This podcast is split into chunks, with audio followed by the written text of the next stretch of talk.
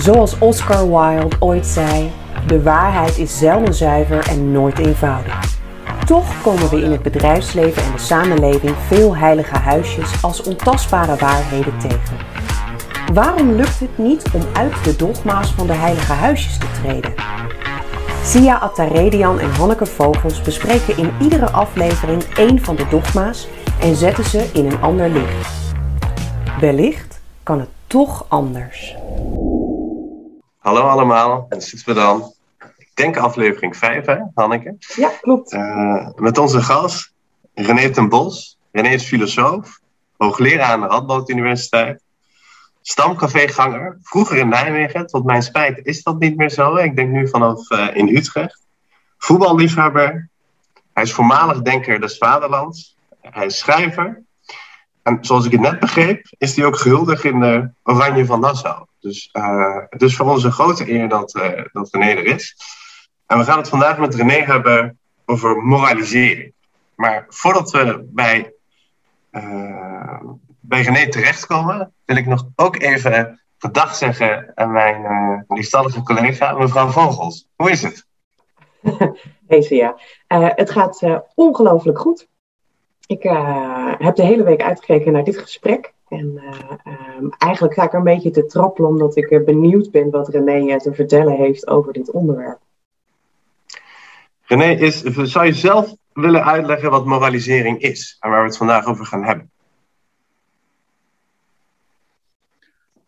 Oeh, uh, moralisering is volgens mij uh, proberen anderen te vertellen wat je moet doen op het terrein van goed en kwaad. En dat doe je vanuit een, uh, een soort houding dat jij claimt dat jij weet wat dat goed en kwaad is. En, en, en, en wat je daarmee vooral probeert te laten zien, is dat op het moment dat anderen het niet met jou eens zijn, probeer je van die anderen eigenlijk te zeggen dat zij um, aan de andere kant van die grens tussen goed en kwaad staan. En dat, eigenlijk... is, uh, dat, dat is een beetje kort gezegd wat je onder moralisering zou kunnen verstaan. Dus, dus, uh, maar we gaan daar verder over praten gedurende dit gesprek, want er moeten voorbeelden komen. Maar het is natuurlijk vrij moeilijk om daar een accurate definitie van te geven. En dat hoeft misschien ook helemaal niet, hè? Dus dit is niet. Ja. Uh, uh, volgens mij ben je ook geen Anglo-Amerikaanse analytische filosoof. Dus die, die, die definitie die, die hoeven we wellicht ook helemaal niet te hebben. Maar ik hoor je wel iets zeggen over weten wat de waarheid is, weten wat het goede is aan, aan, de, aan, de, aan de ander vertellen dat hij het niet weet. Is het zoiets? Ja, dat zit er wel in. Dat is de assumptie altijd van degene die moraliseert. Die zegt dus, jij moet dit doen. En, en, uh, en dat moet jij doen omdat ik een bepaald soort inzicht heb in wat goed en wat kwaad is. En vervolgens uh, heb jij je aan dat inzicht eigenlijk te houden. Of aan de stelregel die ik afleid uit dat, in, uit dat inzicht. En, en als we dan... Uh, ja. Ik wilde je niet onderbreken hoor, ga verder. Nee, nee, dat is verder niet erg, maar we kunnen me altijd onderbreken. Maar dat, dat, dat, dat is eh, heel. Uh, jij, jij hebt dat een bepaalde inzicht. Je hebt bijvoorbeeld een sterke overtuiging, wat, uh, over laten we zeggen, een bepaald soort waarde. En die sterke overtuiging over die waarde, die moet dan ook volgens, uh, volgens jou door anderen overgenomen worden. En dat ook in relatie tot bepaalde gedragingen die daarbij horen.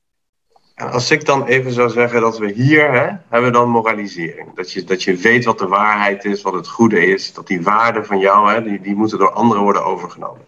Ja. En als ik dan zou zeggen dat hier ergens relativisme zit. Hè? Alles is maar een mening en uh, uh, het zijn maar verschillende perspectieven. Er is geen waarheid, er zijn slechts interpretaties. Uh, hoe verhoudt jij of hoe verhoudt jouw heilige huisje zich daarmee? Zit je dan daar of zit je ergens tussen deze twee werelden? Nou, ik zou mijzelf niet een relativist noemen. Dus daar, uh, daar, daar, daar, ben ik helemaal niet van. Maar aan de andere kant uh, verzet ik mij ook tegen, op die schaal die jij nou tekent, verzet ik mij ook heel sterk tegen uh, de gedachte dat, dat er absolute waarheden zijn op dit terrein. Maar die absolute waarheden die je dan zou kunnen vinden, die hebben natuurlijk met mijn eigen moraliteit te maken. Als ik zeg dat er geen moralisering, dat we niet moeten moraliseren, wil dat niet zeggen dat ik ontken dat er morele gevoelens zijn. Dus wij hebben wel moraliteit, maar uit die moraliteit moet je altijd een bepaald soort bescheidenheid hebben als het gaat om het voorschrijven van gedragsregels aan anderen. Maar even, even ik zit, zit al na te denken, wat is de uh, moraliteit is er? Uh, moralisering bestaat. We zien het denk ik nu op grote schaal in de maatschappij, uh, omdat er grote onderwerpen zijn waar we met elkaar het fundamenteel oneens zijn. Wat is de functie van die moralisering, van het moraal? Heb, je je daar, heb jij je daarin verdiept? Ja, de functie van de moraal is natuurlijk dat het allemaal heel eenvoudig gezegd, maar dat kom je al tegen bij de filosofie de functie van discussiëren over moraal en, en moraliteit is natuurlijk dat een bepaald soort verblijfplaats biedt aan mensen. In de figuurlijke zin van het woord. Het creëert gemeenschappelijkheid. Het creëert een soort huis waarin jij kunt zijn. En dat zijn. Uh, en ik, ik moet in dit verband ook altijd denken aan een woord dat daar vaak mee verbonden wordt: ethos, het oude Griekse woord. Ethos kennen wij ook nog. En dat betekent letterlijk gewoon verblijfplaats. Dus, dus uh, jij voelt je doorgaans goed thuis met mensen waarvan jij uh, de normen en waarden redelijk kunt onderschrijven. En, en, en, en, maar ook kunt, kunt begrijpen. Ja. Je hoeft het niet eens altijd te onderschrijven, maar, je, maar, maar, maar dat je het in ieder geval wel begrijpt.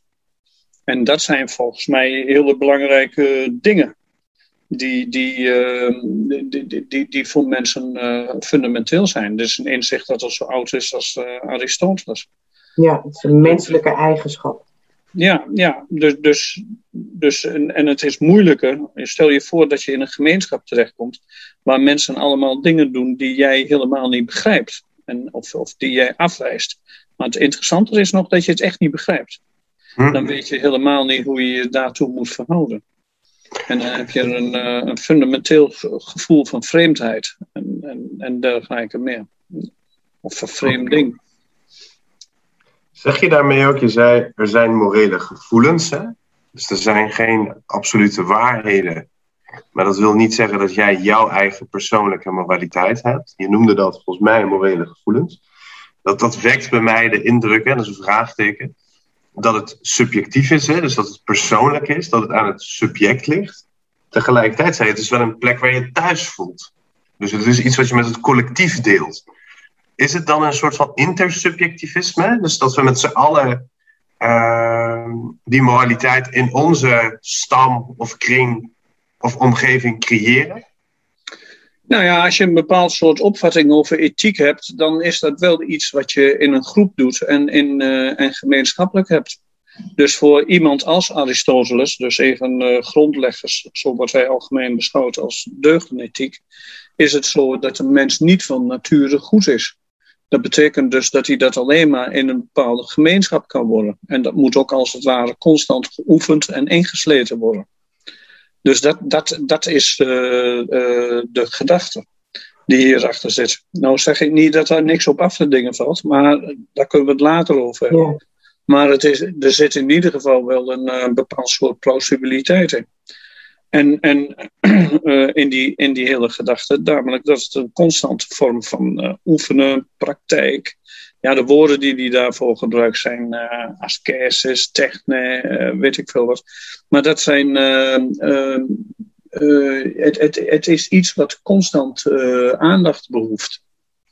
En, ik, ik, zit daar, ik zit daarover na te denken. Hè? Want als ik nu kijk naar moraliteit in onze huidige maatschappij, grote discussies, we zien polarisering in de samenleving. Um, als ik daarover na zit, dan denk ik ja, dat, dat oefenen, uh, een van de dingen waar ik mij dan uh, zorgen over maak, maar ik vraag me af of het echt deze tijdsgeest is, is dat door onder andere algoritmes die op social media, wat een groot belangrijke voedingsbron is voor de discussies die er momenteel gaande zijn, is dat die zich één kant op uh, bewegen en met name ook versterken wat je eigenlijk al voelt, waardoor het andere geluid er niet is, uh, waardoor een bepaalde vervreemding ook ontstaat. Um, Hoe, hoe, kijk jij, hoe kijk jij daarna? Wat vind, is, dat, is dit iets echt van onze tijd? Want als ik terugdenk naar bijvoorbeeld een eeuw geleden, had je, had je een bepaalde mate van verzuiling in de maatschappij, waar ook de communities, de gemeenschappen rond een bepaalde waarde set uh, heel sterk was en er ook veel onbegrip was tussen die zuilen. Zie jij, dit, zie jij dat het nu erger is of zie jij eigenlijk dat het vergelijkbaar is? Hoe kijk jij daarnaar? Ja, dat is een grote vraag. Hoe kijk je daarnaar? Want het is een hele algemene uh, observatie die je doet. Uh, ja, de zuilen, zegt men heel vaak, die zijn vervangen door de bubbels. En, en die bubbels, dat geeft toch wel wat meer een schuimlandschap, om met Peter Sloterdijk te spreken. Uh, dus niet van die harde zuilen, maar af en toe een bubbeltje. En nu zit je in dit bubbeltje en dan zit je in dat bubbeltje en, en dergelijke meer.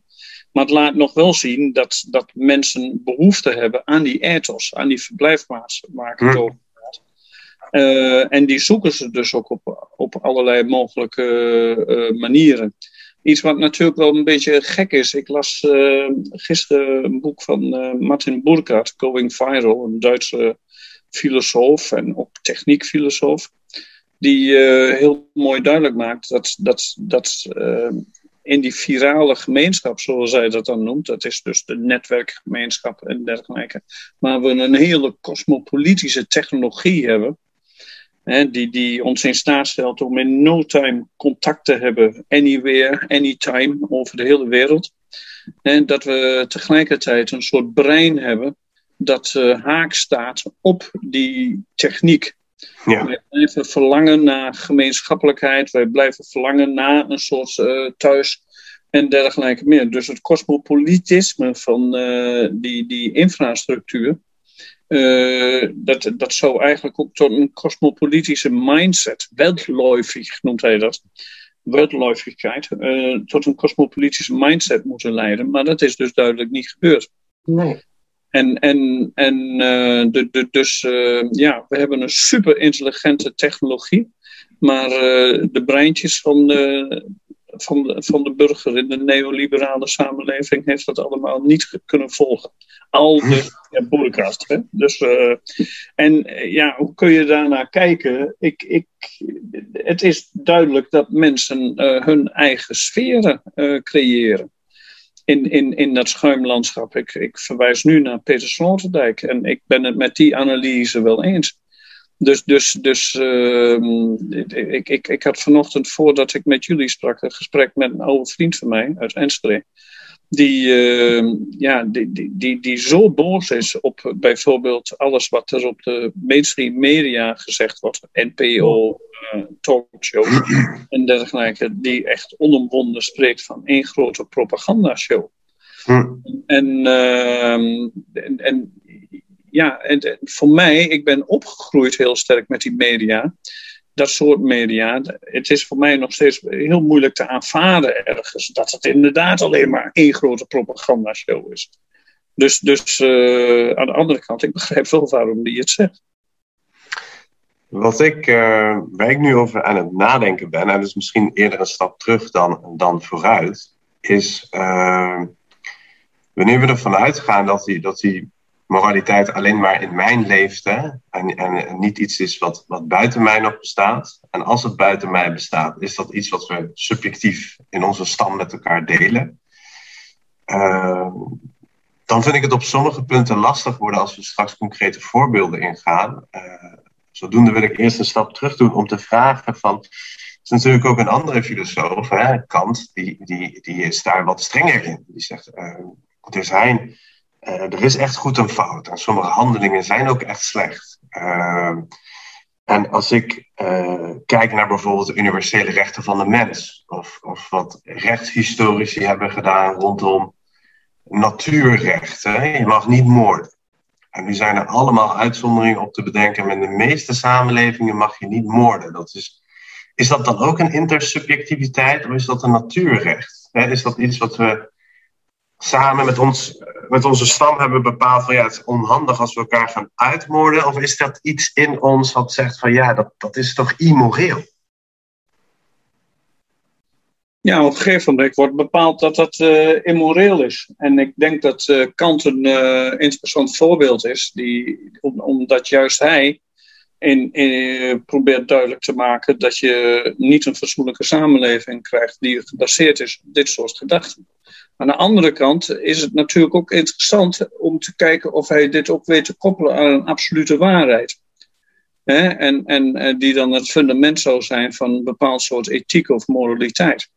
En uh, zoals ik uh, de kritiek van een praktische reden altijd begrepen heb, is, is, is dat, dat hij dat nou juist niet doet. Het is veel meer zo dat we het net, doen, net moeten doen alsof wij wetenschap hebben over, over, over wat goed en kwaad is. En, en, en dat we om die reden elkaar daarop kunnen aanspreken. Dus een heel simpel voorbeeld. als mijn een van mijn kinderen iets uitspookt wat eigenlijk niet mag. En uh, hij zegt, of zij zegt vervolgens dat, uh, dat, dat, dat, dat hij zij niet wist dat dit niet mocht. Ja, dan gaan wij er wel meestal vanuit dat je dat eigenlijk wel had moeten weten. En, en uh, natuurlijk, mensen zijn bijvoorbeeld met betrekking tot de grondwet niet allemaal op de hoogte. Maar in de wet staat ook dat we wel op de hoogte moeten zijn. Dus we spelen een alsof spelletje. Mm -hmm.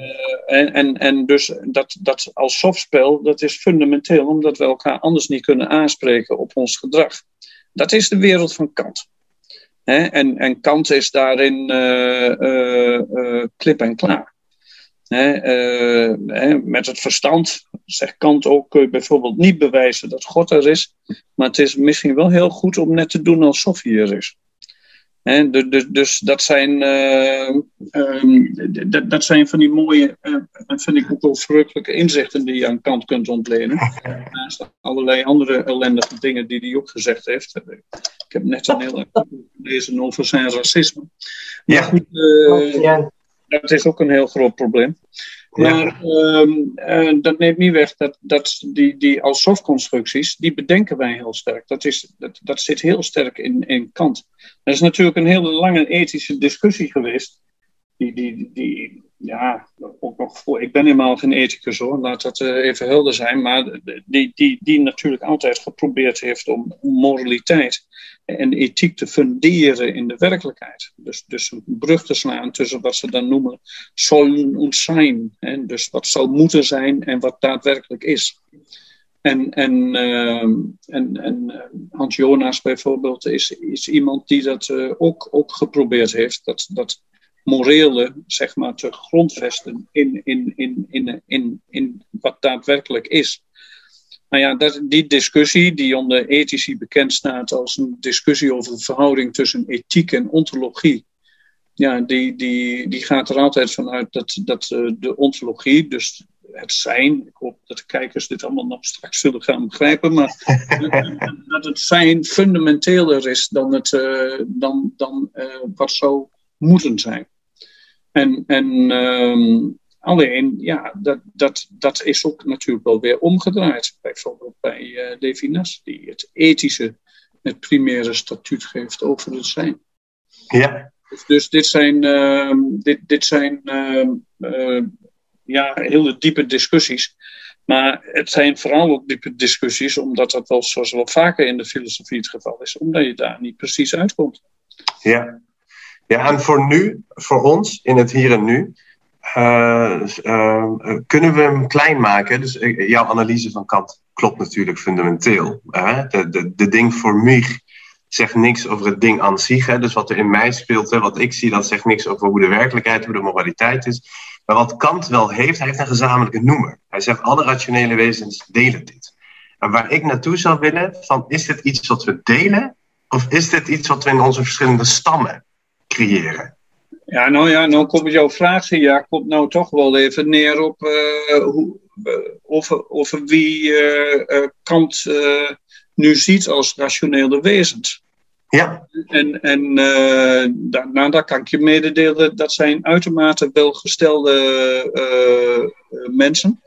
Die, ehm, en meestal zijn dat mannen en geen vrouwen En die vrijgesteld zijn, niet alleen welgesteld, maar ook vrijgesteld zijn van het doen van die dreksarbeid.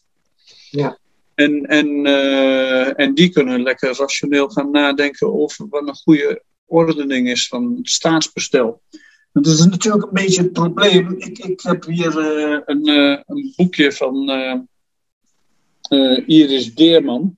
even kijken. Ja. Wederstand. Dat heb ik netjes gelezen en zo. En uh, ja, die rekent ook wel af met mensen als Kant. Als het gaat om, uh, om dit soort opvattingen. Van wie attribueer je nou dit soort rationaliteit?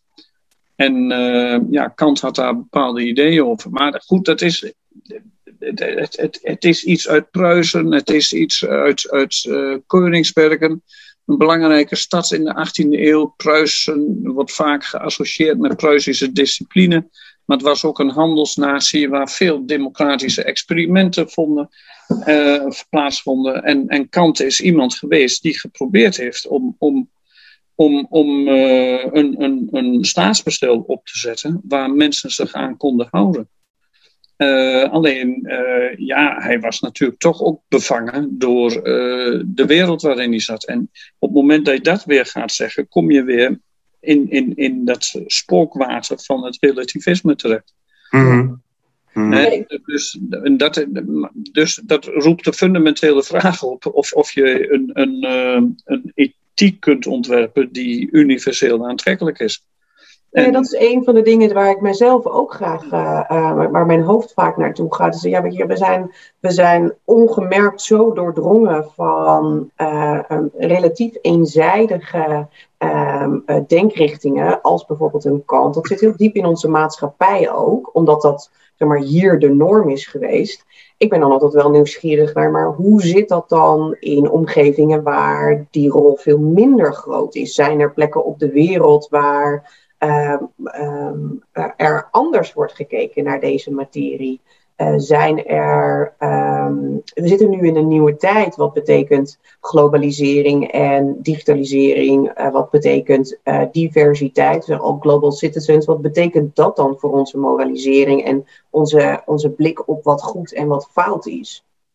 Um, ik heb daar zelf het antwoord nog niet op, maar ik merk wel dat, um, dat er toch wel bepaalde basiswaarden zijn. En misschien komt het omdat mijn omgeving niet divers genoeg is, dat weet ik niet. Maar er zijn volgens mij wel een aantal basisnormen waarin we met z'n allen zeggen: hé, hey, maar dit is goed en dat is fout.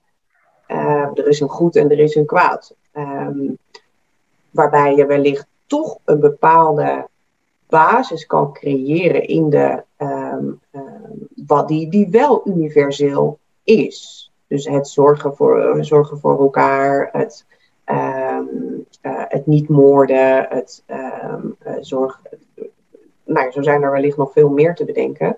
Uh, dus ik denk wel dat er op menselijk niveau er een aantal basisnormen zijn die, die, die universeel zijn.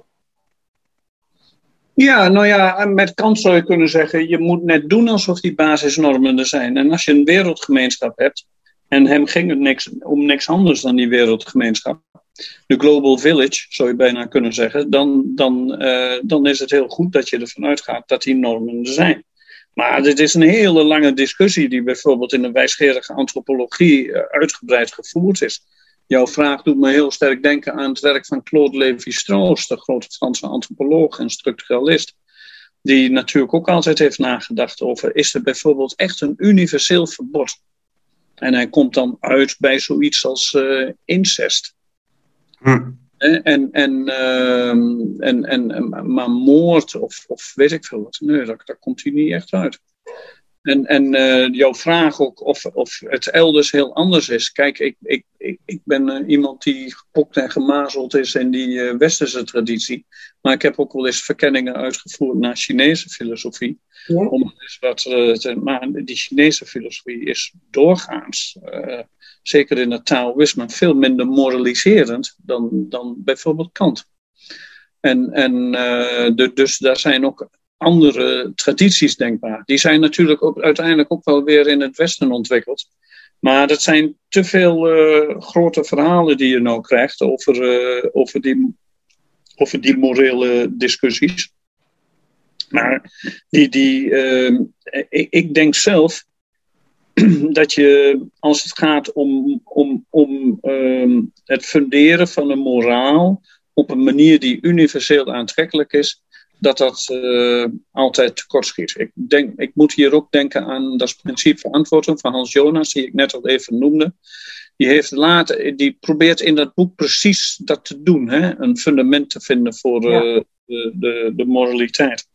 En, uh, maar hij heeft later ook, hij was al stokoud, ook in commentaar gezegd dat hij daar nooit eigenlijk in geslaagd is dan kun je misschien beter Levinas hebben die gewoon een beslissing maakt dienaargaande. En gewoon zegt, uh, uh, ethiek komt voor het zijn.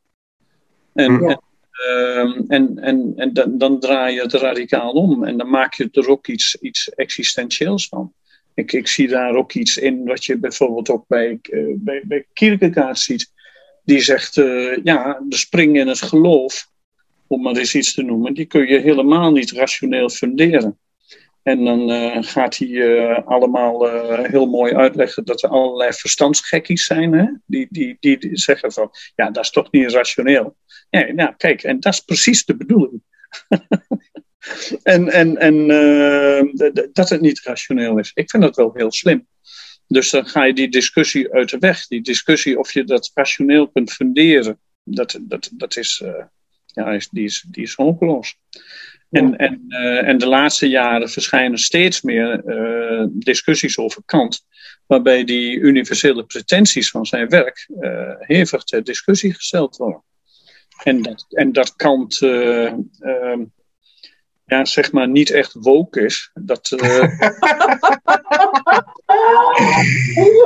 ja, dat. Oké, okay, die zag ik even niet aankomen, René. dat is wel heel duidelijk, ja. ja. Als ik, als ik hem even probeer te grijpen aan iets kleiner te maken, hè, want anders belanden we in een discussie over uh, nou, een, een, mooie betoog over de geschiedenis van de filosofie. Is aan de ene kant hebben we gezegd oké, relativisme, dat, dat is het niet voor jou, René. En ik denk dat, dat wij daar ook bij aansluiten. Het is niet allemaal relatief. Tegelijkertijd zeggen we dat absolutisme eh, en het universalisme is het ook niet. Hè? Dus we eindigen ergens in het midden. En juist dat midden is dan heel lastig te duiden. Maar misschien hoeft dat voor nu ook niet. En dan zou ik willen kijken van ja, je hebt moraliseringen gekozen als jouw heilige huisje, als een dogma, iets wat we deden, maar misschien niet meer uh, zinnig is, iets waar we wellicht van af kunnen. Hoe kunnen we dit toepassen, hè? wat we nu samen hebben vastgesteld, van ergens in het midden van dat grafiek wat ik dan met mijn handen nu uh, getekend heb? Hoe passen we dat toe op concrete vraagstukken in het hier en nu in de samenleving? Hè? Dus als we kijken naar moralisering op het gebied van klimaat, moralisering op het gebied van corona, moralisering, ga zo maar door. En, en, als je Levinas noemt, dan denk ik van, dat, ik vind dat een heel mooi verhaal, maar ik kan dat niet waarmaken, wat Levinas aan mij vraagt. Ehm, dan denk ik in het hier en nu concreet, hoe, hoe kunnen we ons dan verhouden tot deze morele kwesties? En we kunnen er samen één kiezen, jij mag er één kiezen, ik kan hem concretiseren. Maar als we hem concretiseren, hoe verhouden we ons dan vanuit dat intersubjectivisme? Moraliteit is niet iets waarvan je, uh, of laat ik het iets anders zeggen, moraliteit is niet iets dat je even kunt uitzetten of stop kunt zetten. De, de, het is niet iets zoals Jonas dat zegt waar je even van op vakantie gaat. en en uh, de, dus bijvoorbeeld de opvoedkundige taak die je als ouder hebt ten opzichte van kinderen, die is in principe gewoon eeuwig. die, die, die is, of, of, of beter woord is misschien oneindig. En, en, uh, en je hebt ook, dat is de les die je van Jonas of van Levinas leert, het is ook iets waarbij je dus ook fundamenteel altijd tekort schiet. En, en uh, dat, dat, dat, dat, dat, dat is dus heel belangrijk. Dat betekent dus dat er in die filosofieën een bepaald soort, en dat is een belangrijk woord hier, sceptisch zit ten opzichte van wat je zou moeten doen. En, en uh, je schiet altijd tekort, je doet ook nooit genoeg, de taak is oneindig. Dat zijn uh, teksten die je kunt lezen bij deze denkers.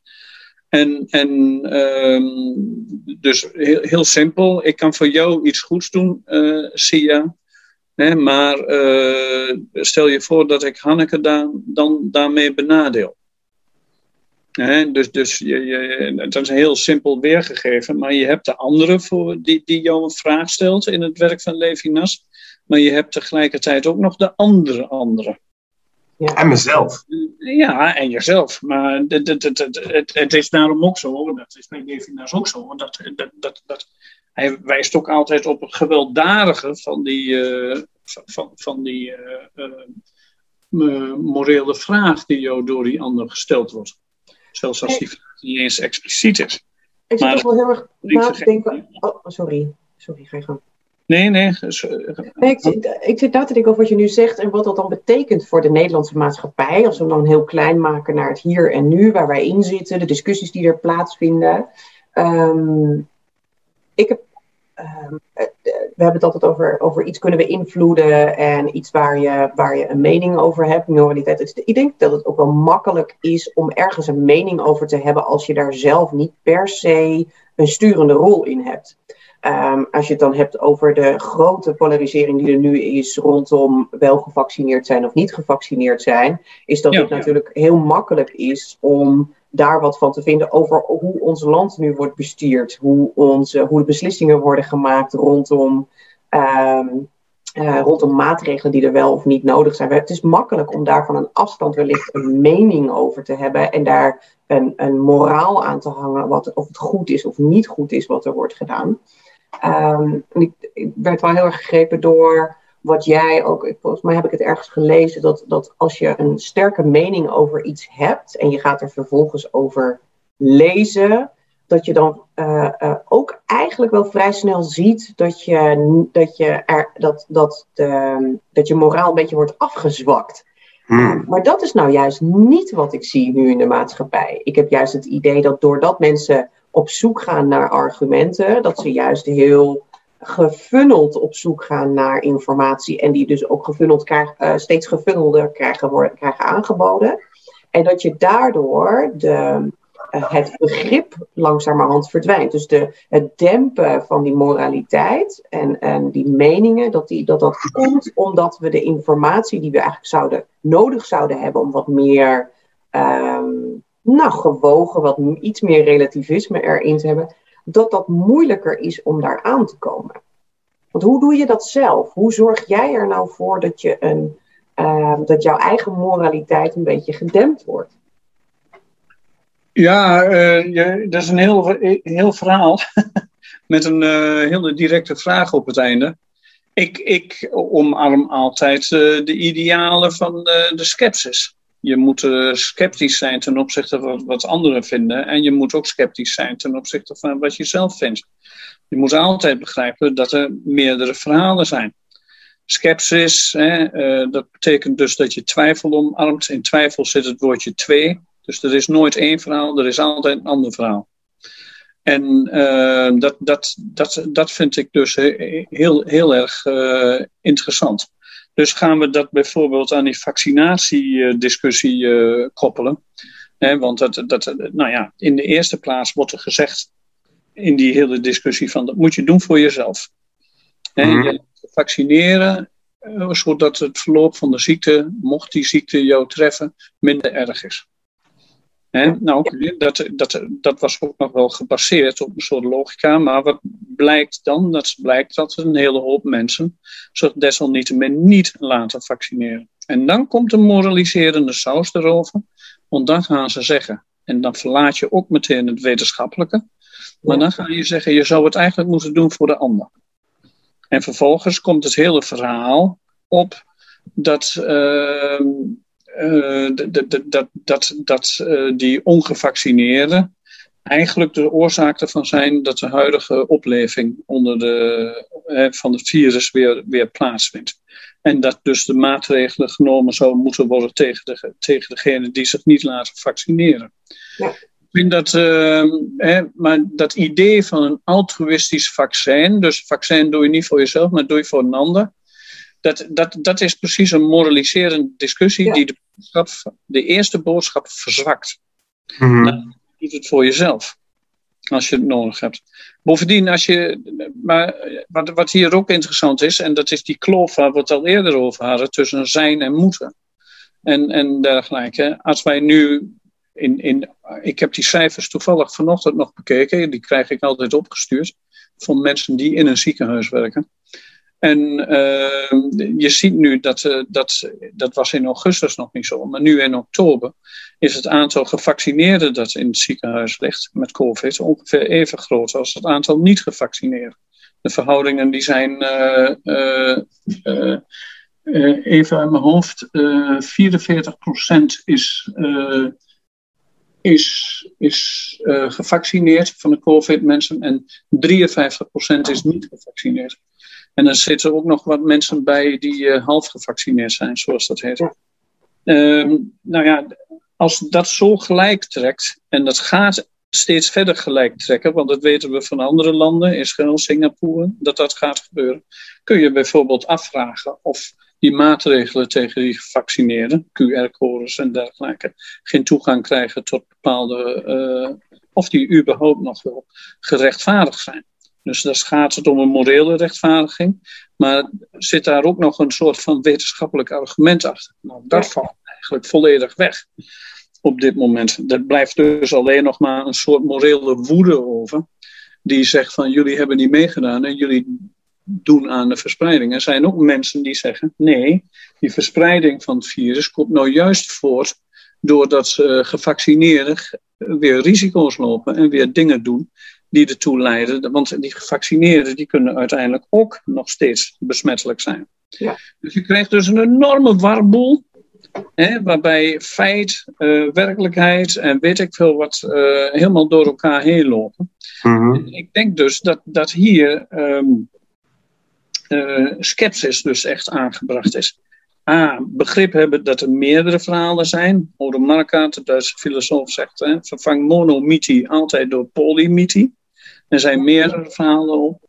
En ook, en dat is ook een vorm van sceptisch, zet niet al die mensen die zich weigeren te laten vaccineren als een stelletje idioten neer. Dat is in werk.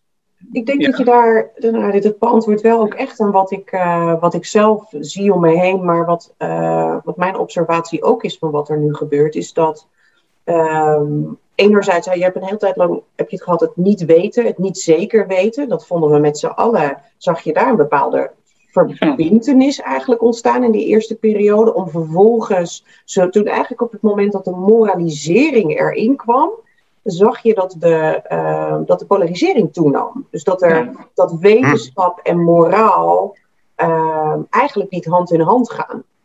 Dus je zag de moraal, zo gauw die moraal erin kwam, dan heb je op het moment dat er andere cijfers kwamen, en het dus nog steeds eigenlijk niet 100% duidelijk is, want de wetenschap is ook, ja, weet je, dat, is dat de 100% waarheid? Ik, ik uh, waag te betwijfelen. Uh, dat zo gauw die twee dingen zich met elkaar verweven, krijg je dus ook de polarisering, omdat er, er, is, niet, er is niet één universeel acceptatie van dit is, uh, dit is de, de waarheid, dit is, dit is de enige norm. Uh, en daar ontstaat dus vervolgens ook die polarisering. De vraag is alleen, wat moeten leiders bijvoorbeeld doen? Als je, we kunnen daar namen aan hangen, maar wat moeten leiders doen?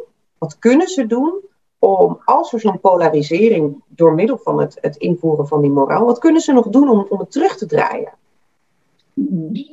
Ja, dat, dat, uh, kijk, dan ga ik vragen. Uh, dat is een vraag die je moet neerleggen bij politici. Maar politici dragen heel erg bij om politieke belangen, maar dat is een heel andere discussie. Uh, om, om die zaak juist steeds verder te polariseren. Waarbij ze dus ook voortdurend een beroep doen op, op, op, die op, op dat moraliseren.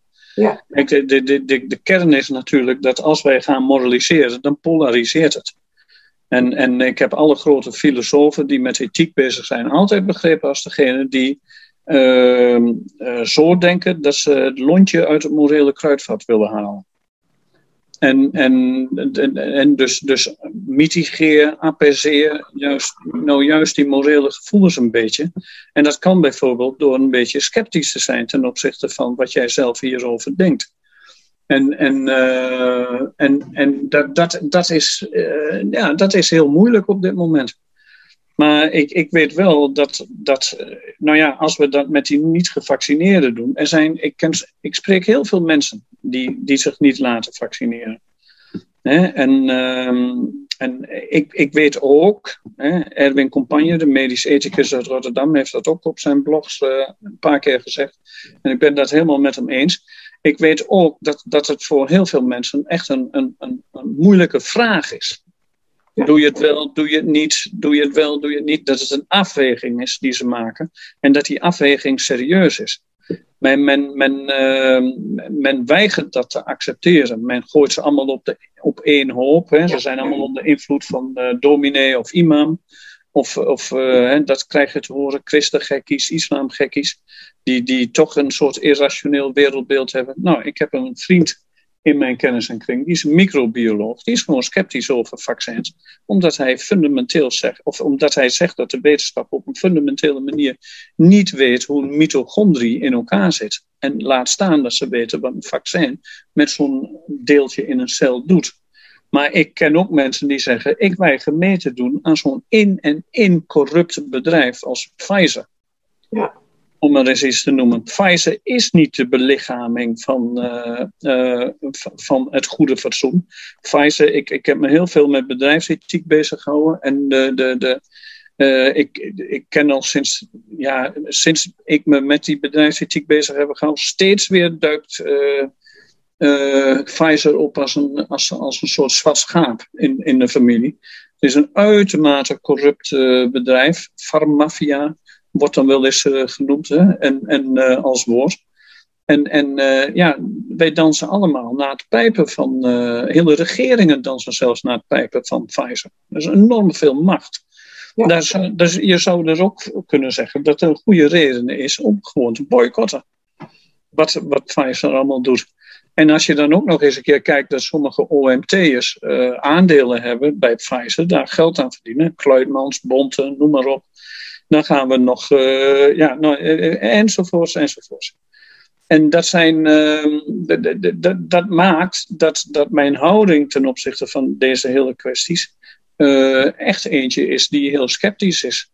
Maar ik, ik ben sterk geneigd om in mijn oordeel over het, het, vaccinatie of niet-vaccinatie, dat hele spectrum aan overwegingen mee te nemen. En, en, um, en, en het mooie daarvan is dan, ja, dan kom ik er niet uit. Maar, hè, maar dat betekent wel dat, dat, ik, dat, je, dat je wel een bepaald soort beslissing neemt.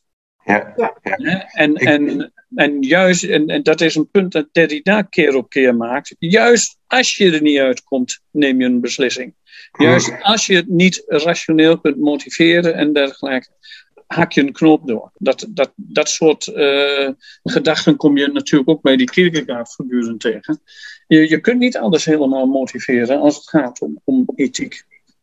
Ik zou, ik zou denk ik uh, op dit moment, want jullie begonnen naar een uh, synthese te bewegen. Hè? Ik, zou, ik zou graag mijn scepticisme willen uiten wat, ik, wat ik heel mooi vind aan, dit, uh, aan het verhaal en het verhaal daarvoor is dat je altijd fundamenteel tekortschiet in het moraal. Hè? Dus eigenlijk proberen we met z'n allen, maar we schieten allemaal fundamenteel tekort. Uh, en wij begonnen met het verhaal van vaccinatie. Uh, je moet het voor jezelf doen. Maar ik zou me eigenlijk nu om willen draaien. Wat nu als je het doet omwille van de gevolgen? Omwille van de gevolgen voor de samenleving. En ik kende de getallen niet die je noemde, dus ik stel me daar bescheiden tegenover op. En ik hou het even bij wat ik, wat ik wist. Dus ik meng mij helemaal niet in de discussie van... Uh, ja, moet je zelf nou vaccineren of niet vaccineren? Maar ik denk van, ja, wat zijn nou de gevolgen voor de samenleving? Hè? Dus ik zat gisteren in de trein naast iemand die, uh, die zijn mondkapje niet droeg.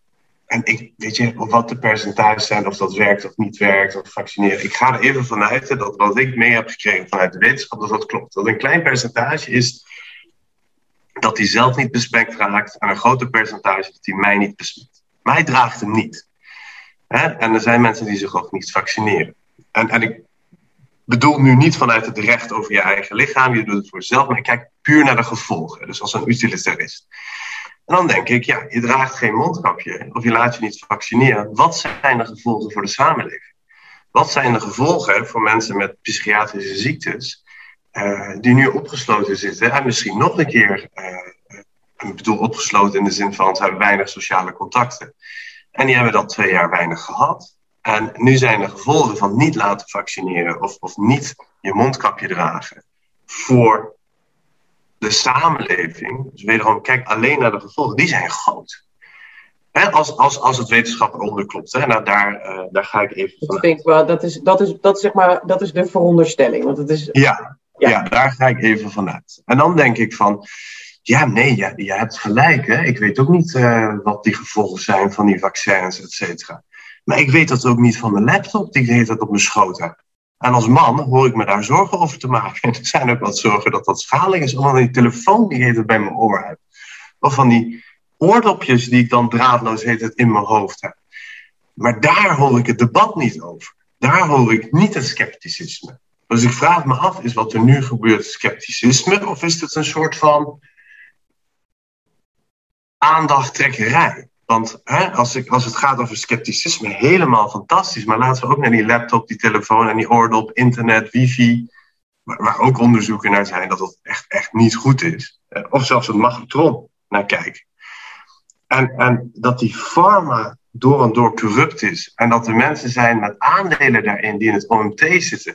Dat is echt afschuwelijk. Hè? Dat doet denken aan de kredietcrisis, waar de beoordelaars van die banken uh, hoogleraren waren die ook bij die banken werkten en ook beoordelen waren een enorme belangenverstrengeling. Dus zeker, zeker is dat iets om, nou, misschien wel van te valgen zelfs. Tegelijkertijd is het wel die pharma die met een vaccin komt. het, zijn, het zijn niet de mensen die, die op pleinen aan het demonstreren zijn, die, die een medicijn ontwerpen. En dat dat systeem corrupt is en dat dat walgelijk is, helemaal mee eens. Maar ja, wat, wat doe je dan zonder die pharma. Hè? Wat, wat doen de mensen? Wat hadden de mensen in de wereld gedaan als we niet een vaccin hadden? Uh, en wat moeten we nou weer als weer die bezettingsgraad op de IC oploopt? Hè? Wat, wat, de keuze die ik dan zou moeten maken in het niet weten, en dat is het, hè? De keuze die ik dan, de knoop die ik dan zou door moeten hakken, is: is dit een filosofische kwestie? Of is dit daadwerkelijk in de wereld zijn? Is dit uh, uh, Anna Heidegger, die, die een ongelooflijk mooie metafysica heeft over authentiek denken en ontsnappen uit de massa, maar die stiekem een, een natie is en in, in de wereld participeert in een, in een totalitair regime. Dus een beetje alle Hannah Arendt zou ik zeggen, van ja, wat, wat moeten we nu in het hier en nu doen, zonder te veel te filosoferen, want er zijn gevolgen. Uh, de samenleving is gepolariseerd misschien gaat het weer dicht.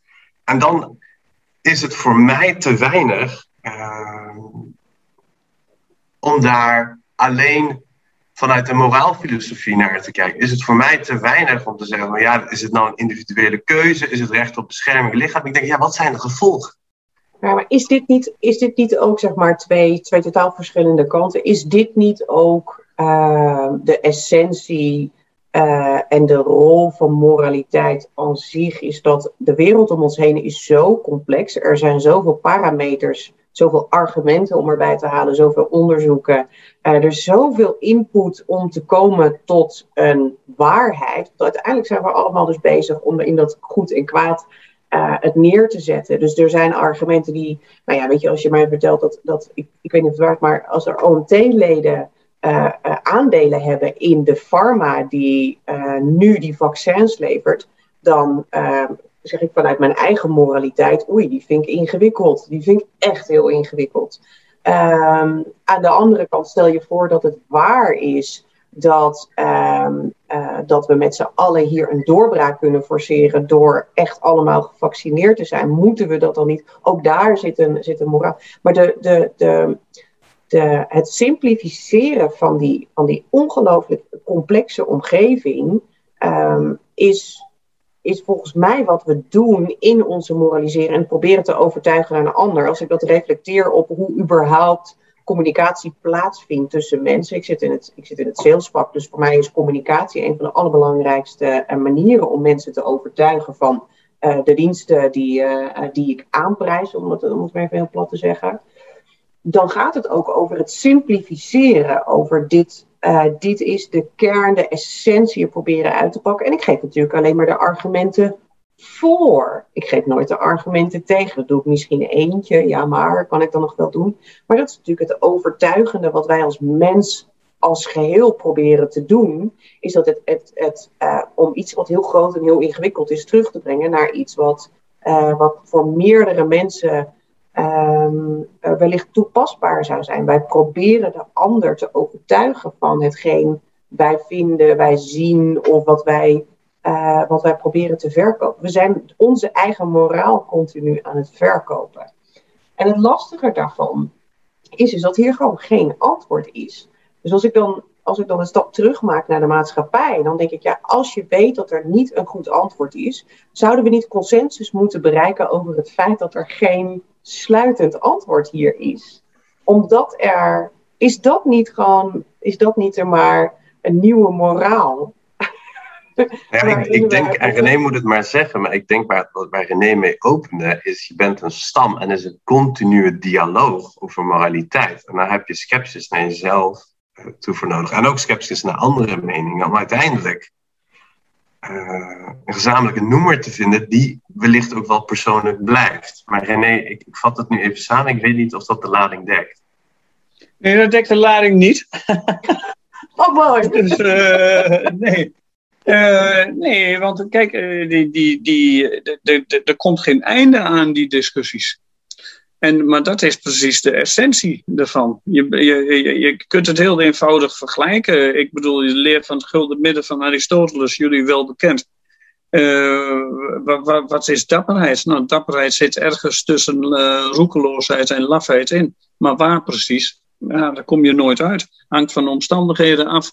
En, en, en, en, en, maar het is precies de discussie die je erover voert die, die, die de waarde heeft. En niet dat, dat, dat, dat er een soort uh, terminus komt aan die discussie. Van uh, nu, nu uh, nee, jij, jij vaart je eigen weg daarin. En, en ik, wil, ik wil alleen maar laten zien dat, dat, dat mensen die, die, die zich niet laten vaccineren, dat ze daar allerlei argumenten voor hebben. En dat jullie uh, daar, uh, mogen jullie van denken waar je wilt. Je kunt het aandachtstrekkerij noemen of weet ik veel wat. Maar ik denk dat daar, uh, dat daar bij die anderen in deze hele discussie veel meer rationaliteit zit. Of, of dat, dan, dan wij zo geneigd zijn om aan te nemen. Nou, ik denk dat je daar een heel belangrijk punt raakt. Dus dat, dat ja. de, de mens uh, uh, als, als dat wij de ander eigenlijk altijd anders beoordelen dan dat wij onszelf beoordelen. En dat we uh, als iemand in een ander kamp zit, dat we hem dan dus wegzetten als gekkie. Maar dat is natuurlijk een mens net als jij en ik. Dus die, die rationaliteit is net zo hoog bij die ander als dat dat bij ons zit. Je ja, ja, zeker. Niet wegzetten als, als gekkies. Nee, maar dat, dat, dat, dat hoort daarbij. En, en je moet altijd beseffen, dat is een van de fundamentele dingen van Skepsis, dat je uh, meer verhalen rondom dat ene dominante verhaal kunt uh, genereren en creëren. Dus het gaat constant om, het, om, om de, de plicht, je zou bijna kunnen zeggen een morele plicht, om meer verhalen te hebben. Let op, die skepsis is een fundament van onze hele democratische organisatie. In de, in, in, in, in, in, in de, uh, in de, in de machtsverdeling van Montesquieu, rechtelijk, uh, wetgevend en executief, zit een ingebouwde scepsis. Ja. Er mag nooit iemand te, uh, te veel doordraven. Maar wat je nu ziet in deze situatie is dat alles in de richting van executief gaat. Ja. En dus alles wordt uitvoerend en dergelijke meer. En dat is in feite ook helemaal niks anders dan een uitschakeling van precies die andere verhalen. Ja. Dat, is, dat, dat, dat, dat is hoe jij uh, uh, Merkel kunt beoordelen als zij er in Duitsland over klaagt dat ze moeite heeft met deze hele uh, dis discussieorgie, zoals het. Uh, dat is een geniaal term. Ja, of dat, ja, maar zij is ook geniaal. Maar, maar, maar, maar Rutte ook, die, die bijvoorbeeld zegt van wij moeten stoppen met filosoferen of we moeten eh, ons helemaal niet verdiepen in jongeren die protesteren. Die zijn gewoon het kwaad.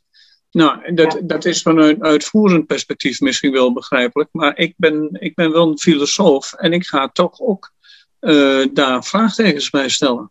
Ja, dus de functie van het debat is naarmate de, ehm, naarmate de eh, polarisering toeneemt, is de functie van het debat alleen maar groter. Ja, de, de, de, het, is, het is enorm belangrijk dat, dat je dat debat natuurlijk niet smoort. Dus dat je die, die verhalen blijft horen. Ik, ik hoor natuurlijk ook wel dat heel veel mensen moe worden van corona of moe van de hele complexiteit. Die willen er niet meer over discussiëren. En hoewel ik dat wel begrijp, en uh, denk ik tegelijkertijd ook van, uh, hallo, ik, ben, zit hier als filosoof. En uh, ik ben ook wel eens blij dat ik een avond naar een voetbalwedstrijd kan. Maar een, een, filosoof zal constant proberen te poken in, in de al te grote vanzelfsprekendheden die gedebiteerd worden. En dat is iets wat je, wat je ook, ook naar mijn smaak gewoon behoort te doen je moet, hè, ik heb dat ook wel eens eerder gezegd, je moet een soort irritatiekunstenaar zijn als filosoof. En Wat dat is een iets, mooi woord, irritatiekunstenaar. Ja, ja, ik kom het ergens tegen in een Duitse krant. Irritationskunstler. En, en, uh, maar dat, dat is natuurlijk iets wat, wat, wat, wat, je, wat, wat echt heel, heel belangrijk is, als jij tenminste jouw rol als filosoof serieus neemt. Nou ga ik echt niet zeggen dat, dat, dat uh, filosofen de wereld uh, moeten gaan beheersen. Dus ik heb geen platoonse fantasieën dienaangaande. Maar uh, het, het, is wel uh, de gedachte dat, dat als iedereen uh, denkt dat de, de ongevaccineerden de schuld hebben van het verspreiden, de huidige verspreiding van het virus, dan ga ik toch even zeggen waar ook andere fouten gemaakt zijn. Ja. Zeker, en dat is ook, dat is ook heel. Dat is ook heel waardevol. En ik, ik denk dat uh, de lastigheid daarvan zit in hoeveel tinten grijs er zijn. Dus ik, ik uh, denk dan aan, uh, hetzelfde stuk van Aristoteles waar je naar verwijst. Hè? daarin zegt Aristoteles ook het lastige hiervan is dat degene die laf is, degene die dapper is, dus die, die wel de middenweg heeft gevonden, overmoedig noemt. En dat degene die overmoedig is, wederom degene die dapper is, laf noemt. Want wanneer zit je nu precies in het midden? En, uh, en daar zit denk ik ook uh, een deel van mijn sceptici, is, is uh, skepsis, is zijn we niet iets aan het verheerlijken, maar dat die discussie er moet zijn en dat het gezond is en dat het weloverwegende mensen zijn die ongelooflijk gezond leven en voor zichzelf zorgen en niet ziek worden en, uh, en zeggen ik hoef ook geen troep als een vaccin in mijn lichaam. Ik heb daar al een begrip voor. Maar wanneer uh, ben je in het midden? Wanneer heb je die middenweg gevonden? En daar ja, maar kijk, dat midden is een hele belangrijke categorie in de hedendaagse filosofie het is, eh, dat kom je ook vaak tegen in termen van het derde.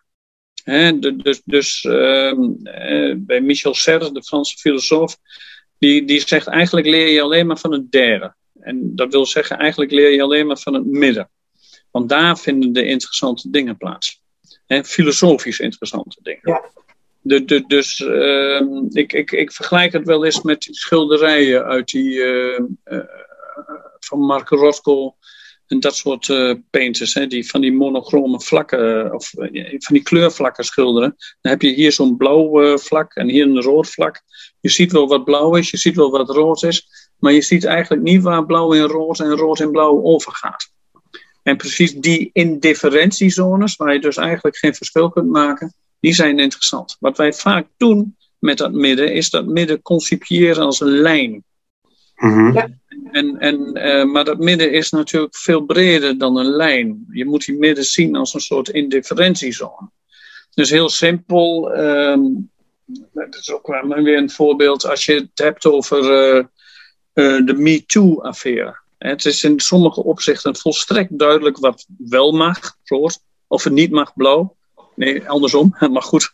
maar wat wel mag en wat niet mag. Maar het interessante is natuurlijk dat hele spectrum uh, dat daar tussenin ligt, waarbij het niet helemaal duidelijk is wat mag en wat niet mag. En, en, en uh, die, die, die wereld, hè, waar, waar je. dit is een wereld die door Agamben drempel genoemd wordt, drempelzone. Of dit is een wereld die door uh, Serdus derde genoemd wordt. Letier, alleen daar steek je wat op, alleen daar kun je wat leren, alleen daar moet een discussie over gaan en dergelijke. Dus je, je gaat vooral praten over waar het allemaal niet precies helder is. Ja. Nou, wij hebben zo sterk de neiging uh, in besluitvormingsculturen, rational problem solving, om dat midden te reduceren tot één lijn. waarbij je dus een hele duidelijke grens hebt tussen wat wel mag en wat niet mag. Mhm. En, en uh, ik, ik heb met, met, met uh, jullie geen discussie over sommige zaken.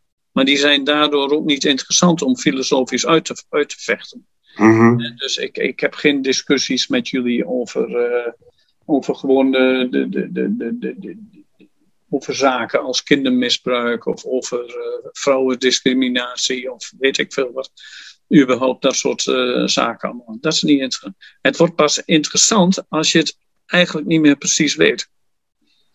En, ja. en, en, en dan, de, de, dan, dan ga je nadenken over, over wat er moet gebeuren. Maar het, en dan blijkt steeds weer, het wat mag en wat niet mag, dat kun je niet helemaal reduceren tot één lijntje.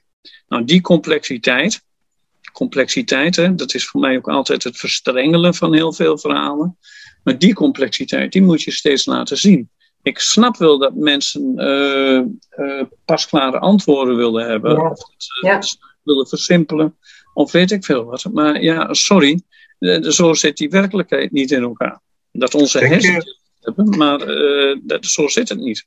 Denk je dat we die complexiteit, hè, dus dat midden, uh, ja. wat zo lastig is te vinden in het denken en al helemaal in het doen, uh, dat we dat ook in onze uiting en overwegingen ook mee moeten nemen.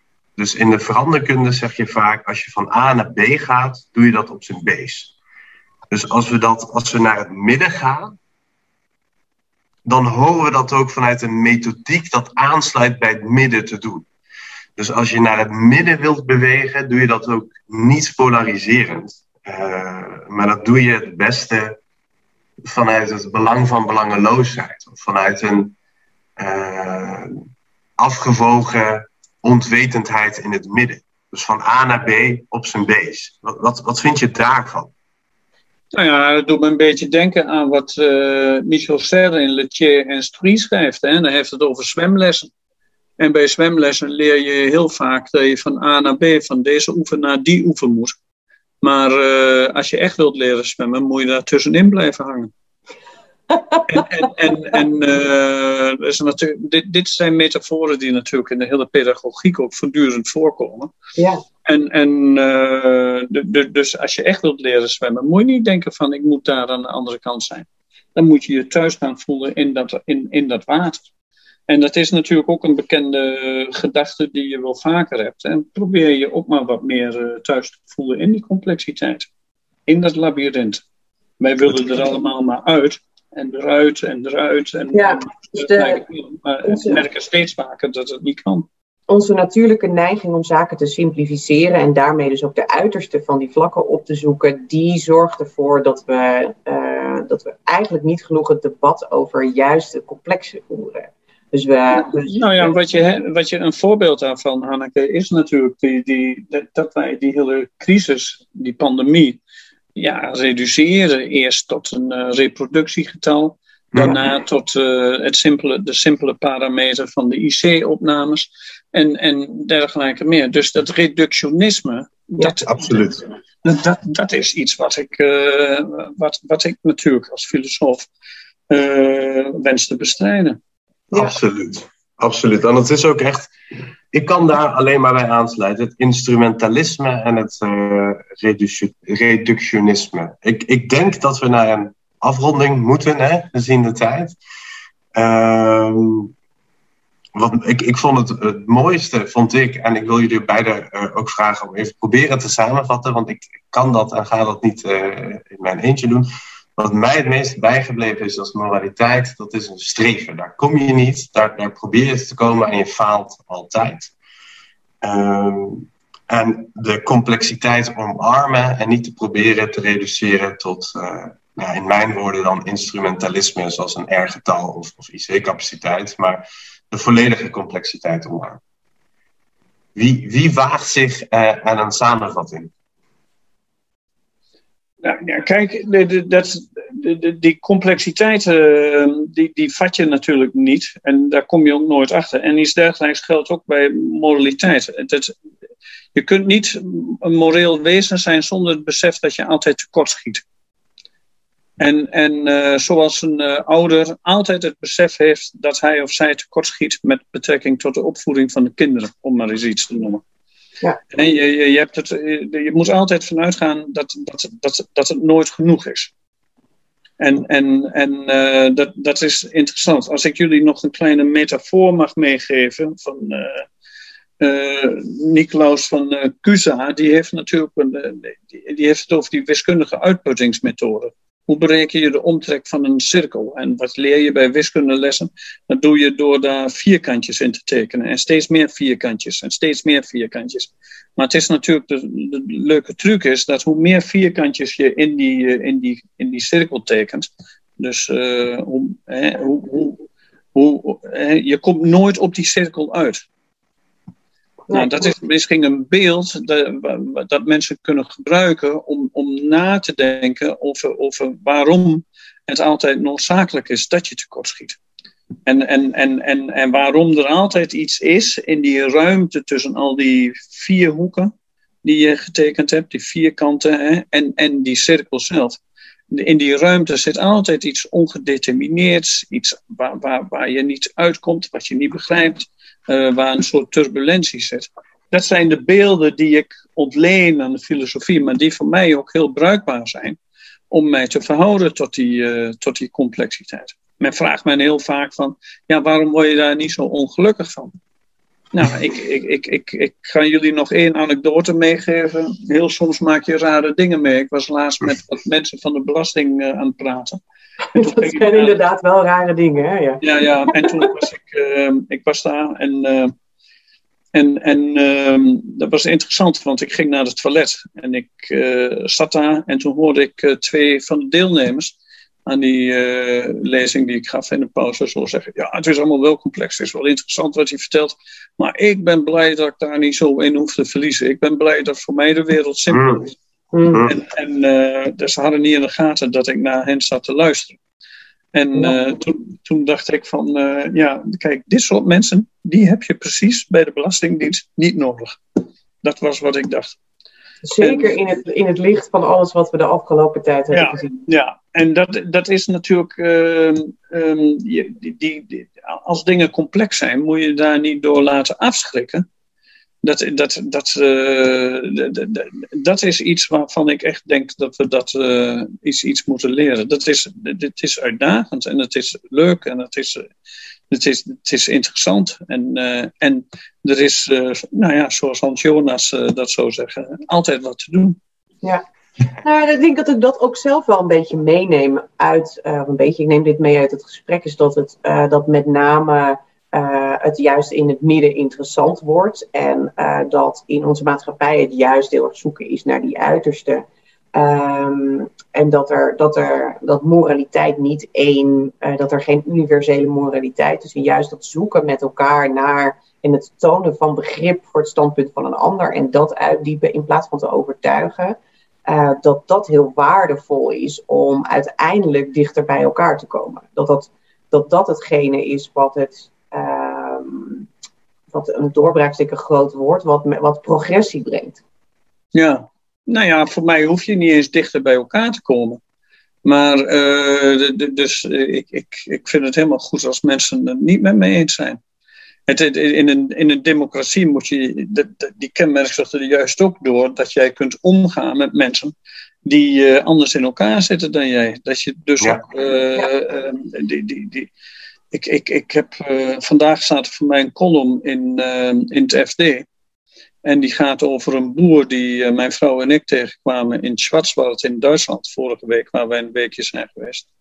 En uh, er was een vreselijk aardige meneer, maar die was helemaal Donald Trump aanhanger, QAnon, en vertelde allerlei wilde verhalen. En toch kwam, ik niet, ontkwam ik niet aan de indruk dat het gewoon een hele sympathieke man was. En, en uh, maar ja, ik, ik heb ik, laten we het zo zeggen, ik heb misschien niet zozeer respect voor die ideeën, maar ik heb wel uh, een bepaald soort uh, respect voor de persoon zelf. Hij was heel lief voor onze hond. Hij was heel lief voor een bij die hij eruit liet. Hij was lief voor zijn honden. Hij hield heel veel van dieren. Ja. Maar hij had een, een, een, een set van ideeën waar ik ja, nou ja, laten we het maar zo zeggen, lichtelijk sceptisch over ben. en, en, uh, een mooie mijn... afsluiter, dit, uh, dit, deze anekdote. Ja, zeker. zeker. En, en, en René, waar wij misschien nog een keer verder over kunnen praten, uh, hopelijk toch in de kroeg in, in, in Nijmegen, is um, wanneer houdt dat op? Dus nazi-officieren die heel lief zijn voor de eigen kinderen, maar daarna een kamp ingaan en de schakel omdraaien. Uh, wanneer, uh, wanneer houdt dat, uh, tot wanneer kun je je nog daartoe verhouden? En dat is iets wat ik niet weet. In de, in de huidige vraagstukken ook niet weet. Hè? En er is net een boek uit. Nee, van... als, die, als die boer nou per ongeluk blijkt, ik onderbreek je even, maar als die boer nou echt, echt um, blijkt dat hij zich bewapent tegen de elites in Freiburg en Berlijn, want daar had hij natuurlijk ook allerlei tegen, en dat hij aanslagen voorbereidt, dan houdt het gewoon op. Dan gaat hij ergens, een, uh, dan, uh, dan, dan, komt hij aan een kant te staan die je niet meer in het midden kunt plaatsen. Dus wanneer je uit het midden stapt? Ja, nat natuurlijk. Dat, dat, dat, dan, dan gaat hij de, heel eenduidig de kant van het kwaad op. En, uh, daar, daar heb ik natuurlijk ook wel ideeën over. Maar voorlopig had ik niet. Voorlopig had ik. Kijk, een kroeg, hè, zei je, dat is ook een heel interessant. Mijn, mijn voorgangers als Denker des Vaderlands, Marlie Huijer, heeft er ook eens op gewezen. Een kroeg is vooral ook zo. Daarom was het zo erg dat ze dichtgingen. Is vooral ook een plek waar heel veel verschillende stemmen samenkomen. Mm -hmm. En, en uh, vooral het ouderwetse bruine café, dat, dat, waar iedereen praat vanuit verschillende leeftijd, verschillende achtergronden, uh, op, opleiding. En waar dat allemaal zo samenkomt. En dergelijke. Daar zie je in een soort uh, microscopisch kleine omgeving, zie je, zie je al die, die, die, die, die heteroglossia, hè, die veelstemmigheid, die zie je daar dus in, in, in een kroeg. Dus ja, zeker, kroegen zijn betere plaatsen om uh, te praten dan, uh, dan, dan, dan, laten we zeggen, ja, sorry, Zoom-sessies.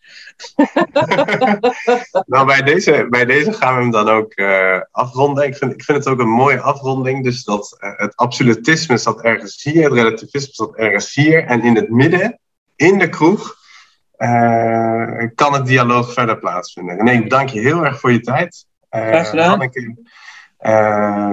Charming as always. En uh, onze volgende gast, uh, dat is, als ik mij niet vergis, Wouter ten Haven, hoogleraar ja. veranderkunde. Ehm, nou, daar gaan we het ook over allerlei interessante dingen hebben, voornamelijk in en rondom organisaties. Dus dat komt nog. Nogmaals dank. En nee, dank je wel. Dag, graag gedaan. Doeg, doeg.